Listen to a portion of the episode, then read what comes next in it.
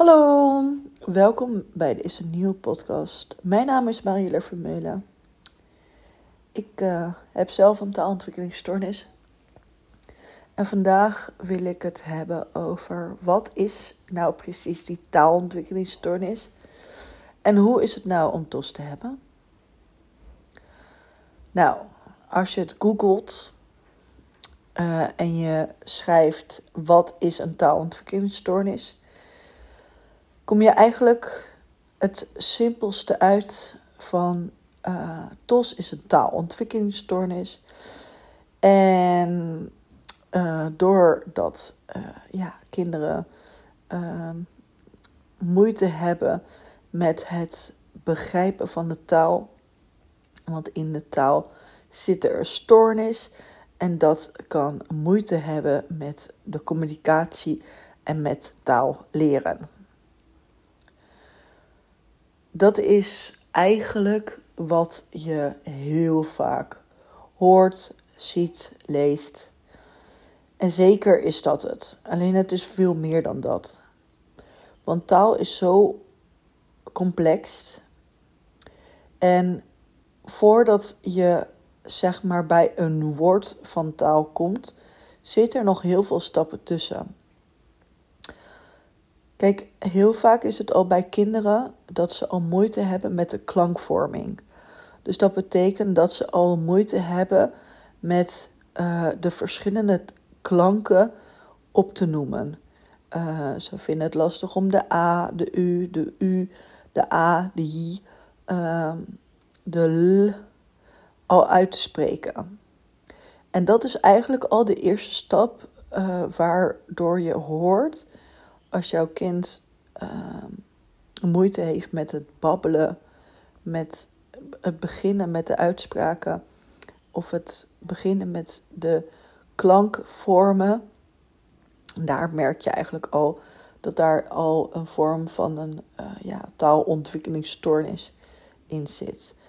Ook is het zo dat de tandwielen, dus het ontwikkelsysteem, het programmeren van de taal in de hersenen, daar, heb, uh, daar uh, merken de kinderen zelf weinig van.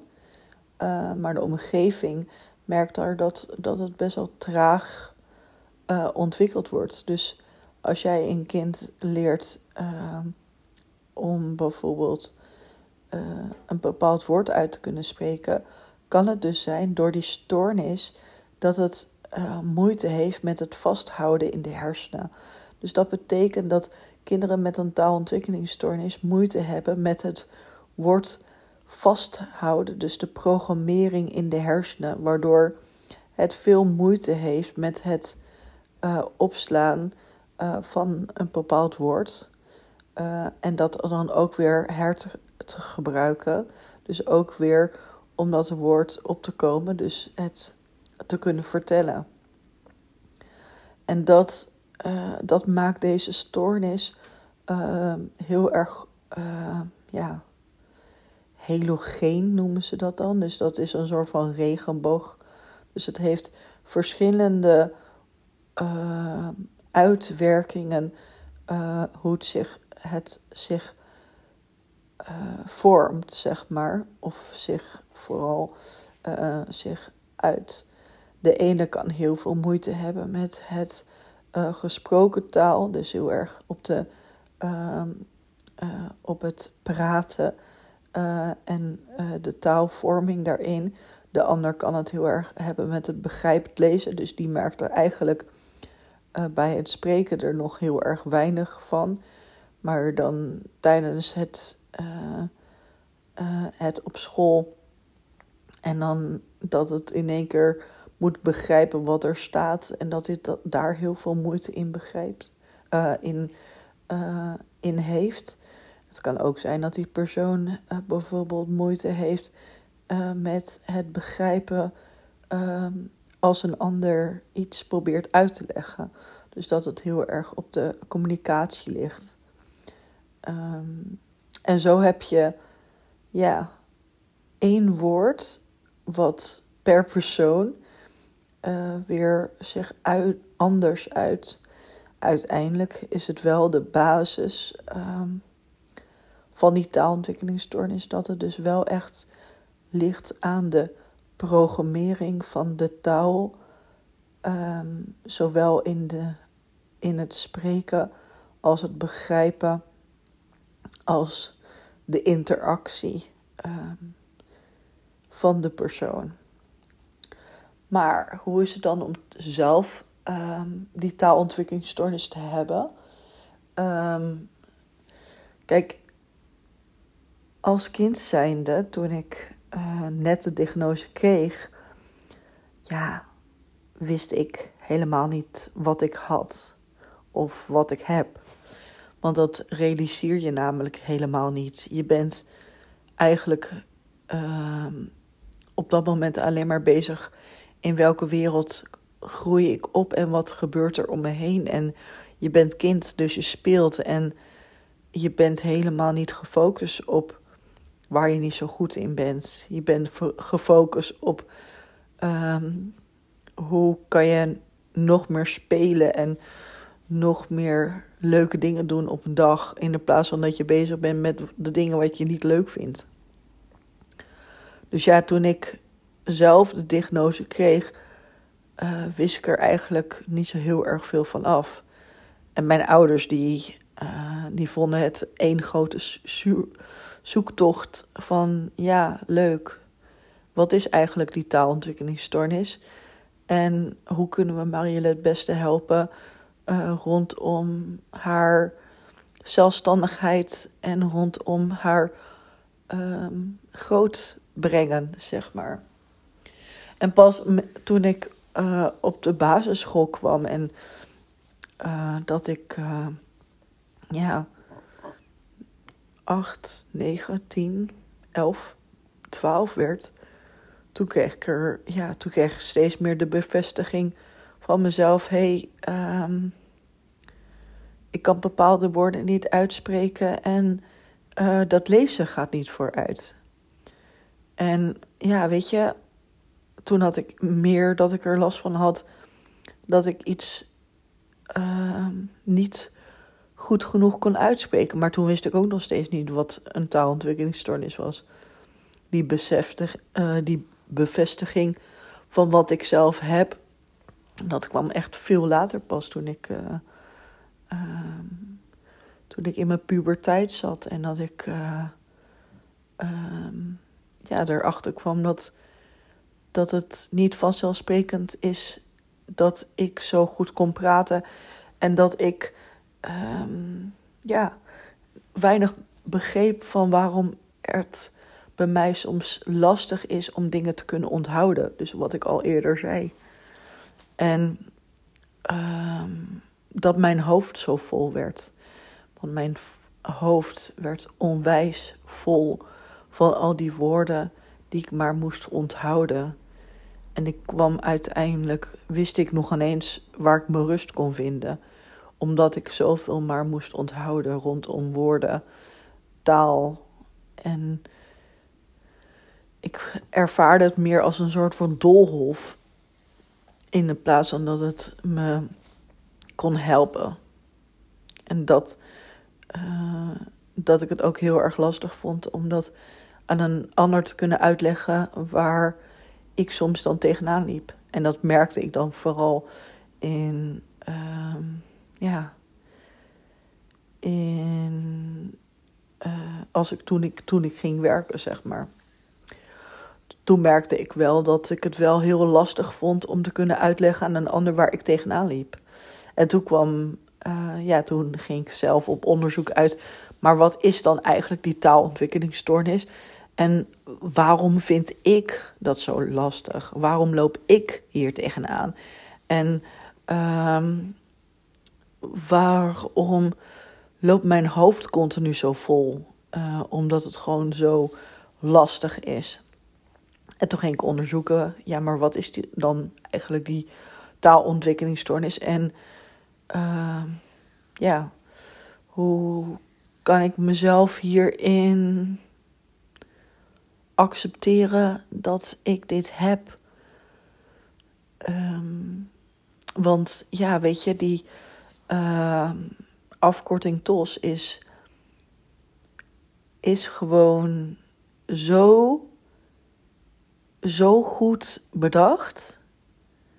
Want ja, weet je, die stoornis in die ontwikkeling van die taal, dat, dat maakt het ehm, voor mij nu uiteindelijk de beste benoeming wat er ook werkelijk gebeurt in mijn hoofd.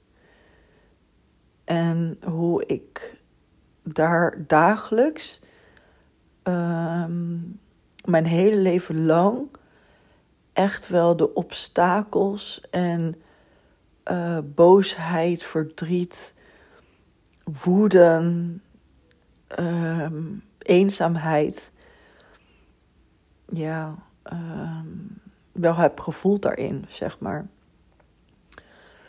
Want soms liep ik gewoon vast. Vast in het onder woorden brengen wat er in mij of wat er met mij gebeurde als ik bijvoorbeeld ehm, iets deed. En wat dat iets is, kan ik je onwijs goed een voorbeeld geven. Ehm, waar ik vooral tegenaan liep, is ehm, als ik het vooral specifiek op het werkveld en toen ik een jaar of 20, 21, 22 was, ehm, was dat ik eigenlijk ook gewoon niet zo goed bewust was van mijn terror of mind. De theorie achter je gedachtegang, ehm, je innerlijke wereld, zeg maar. Ehm, als je heel veel onderzoek uh, onderzoekers uh, onderzoek leest over taalontwikkelingsstoornis, dan komt dit hoofdstuk echt voorbij. En eigenlijk dat is die innerlijke wereld waar niemand bij kan behalve jij. Ehm, en daar had ik onwijs veel moeite mee. En dit voorbeeld heeft mij zo onwijs bewust gemaakt van die uh, innerlijke wereld. En daar had ik de buitenwereld bij nodig. Wat heb ik dan gedaan? Nou, ik werkte in de supermarkt. En uh, mijn tempo om uh, bepaalde vakken te vullen uh, was erg traag. Want ze verwachten gewoon dat je het op een bepaald tempo doet. En ja, dat tempo dat zat gewoon niet in mij. maar ik moest dat ook onder woorden brengen naar mijn leidinggevende van Marielle, waarom kan jij dit niet? En ik alleen, ja, ik zal het niet weten wat er gebeurt. Toen, uh, uh, toen kwam mijn jobcoach ook regelmatig op dat werk. En die zei ook tegen mij, nou Marielle, wat gebeurt er nou continu met jou als jij een klant hebt geholpen en dat je weer terugkomt bij je vak? Wat doe jij dan eigenlijk? Want waarom duurt het zo lang voordat jij weer uh, bezig bent ja, met je vakken vullen, zeg maar. En ik zou je zeggen, ik, ik was totaal niet bewust met wat er eigenlijk in mij gebeurde of wat er om mij heen gebeurde. En hoe dat dan zich uit, is dat uh, ik dus blijkbaar uh, mezelf ging terugkijken. Was wel heel creepy natuurlijk om jezelf te zien in de handeling wat, wat, je, wat ik deed. Maar zo werd ik wel bewust van mijn gedrag, van mijn uh, daden, van mijn uh, innerlijke, uh, ja, innerlijke wereld eigenlijk. Die terror of mind eigenlijk. Die bewustwording van die programmering. Hoe ik de dingen doe zoals ik ze doe. En kijk, alles echt dan echt werkelijk alles wat je doet, heeft te maken met taal. En als jij dus tegen die taalontwikkelingsstoornis aanloopt, dan is jouw hele bestaan als je daar niet bewust van bent, ehm, van jouw bestaan en van de dingen die je doet, uh, maakt jou dan ook een onderbewust persoon. En wat ik dus heel erg merkte uh, toen ik mezelf terug ging kijken, is dat ik gewoon staarde. Ik stond soort van uh, stand-by of zo. Een soort van slaapstand. Stond ik te staren om maar te onthouden wat deed ik voor die klant en wat moet ik naar die klant doen. En ik vond dat zo bizar om dat mezelf te zien. En toen ben ik ook in diezelfde tijd ben ik begonnen met filmpjes maken, YouTube filmpjes. Uh, ben ik begonnen met podcast maken. Ben ik begonnen eigenlijk met alles om mezelf maar bewust te maken van die taal. En wat voor mij persoonlijk vooral echt een door, uh, een um, bewuste doorslag heeft genomen in mijn taal. Want dat is echt de vraag die ik echt zo vaak krijg: van hé hey Marielle, hoe kan het zo zijn dat jij van eigenlijk een meisje die onbewust niet wist wat ze sprak, naar het meisje die wel bewust weet wat ze zegt. En dat zij dus een verhaal kan vertellen en weet wat ze heeft verteld. En dat je daar een verhaalvorming in kan gaan maken, waardoor je mensen boeiend kan krijgen over wat je vertelt en waar je naartoe wilt gaan. Nou, dat heeft wel NLP uh, die doorslag genomen. NLP staat voor uh, Neuro-Language programmeren, is een Engels woord voor het neuro neurologie, dus de hersenen, het, de hersenen van de programmering uh, uh, en van de taal. En, en daar heb je zeg maar cursussen in. Uh, en je hebt zeg maar een basiscursus, de practitioner. Uh, je hebt een master, je kan coach worden en je kan trainer worden uiteindelijk als je dat leuk vindt. Ik ben helaas nog steeds geen trainer omdat ik zwanger was van mijn zoontje. En dit jaar um, kan ik nog steeds niet de trainersopleiding doen omdat ik net een opleiding, uh, nee, net geopereerd ben. Um, dus ja, uh, ik hoop dat ik het volgend jaar misschien kan gaan doen. En dat ik ook iets meer heb gespaard in de tussentijd. Um, maar tijdens die opleiding, tijdens die NLP-opleiding, werd ik zo onwijs bewust van dat je wat, wat zeg maar de uitspraak van Constance Fischer is. De taal wat je spreekt is de taal wie je bent. Dat is het. Dat is het. Je bepaalt zelf uh, hoe ver jij komt in het leven. En hoe gemotiveerd je bent om de taal die jij wilt gaan spreken. Um, en de taal die jij wilt zijn en de taal die jij um, wilt uitstralen en de taal die jij wilt communiceren en de taal die je wilt um, ontwikkelen, dat begint allemaal bij jezelf. Jij moet zelf de motivatie vinden om alles uit het leven te halen wat erin zit. En daar hoort zelfacceptatie bij. Zelfacceptatie is zo ongelooflijk belangrijk. Want doordat je je uh, niet jezelf in de weg gaat staan uh, bij hetgene wat je ongelooflijk lastig vindt, dat gaat ervoor zorgen dat jij gemotiveerd raakt om om te gaan in deze talige wereld.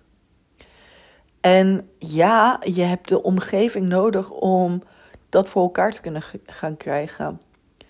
Ehm, en ja, de omgeving die heeft daar onwijs veel geduld voor nodig. Want ja, het kost heel veel moeite om begrip te gaan krijgen en zelf kennis te gaan krijgen van A, wat en waarom loop ik vast in mijn taal. En heb jij een kind met TOS thuis of ben je leerkracht? Of heb jij iemand die een taalontwikkelingsstoornis hebt in jouw omgeving? Zorg er dan voor dat die persoon er zelf bewust van wordt dat taal lastig is. Want jij maakt uiteindelijk het verschil hoe die persoon er uiteindelijk mee leert om te gaan. Want ja, weet je, um, het is gewoon lastig. Het is niet vanzelfsprekend.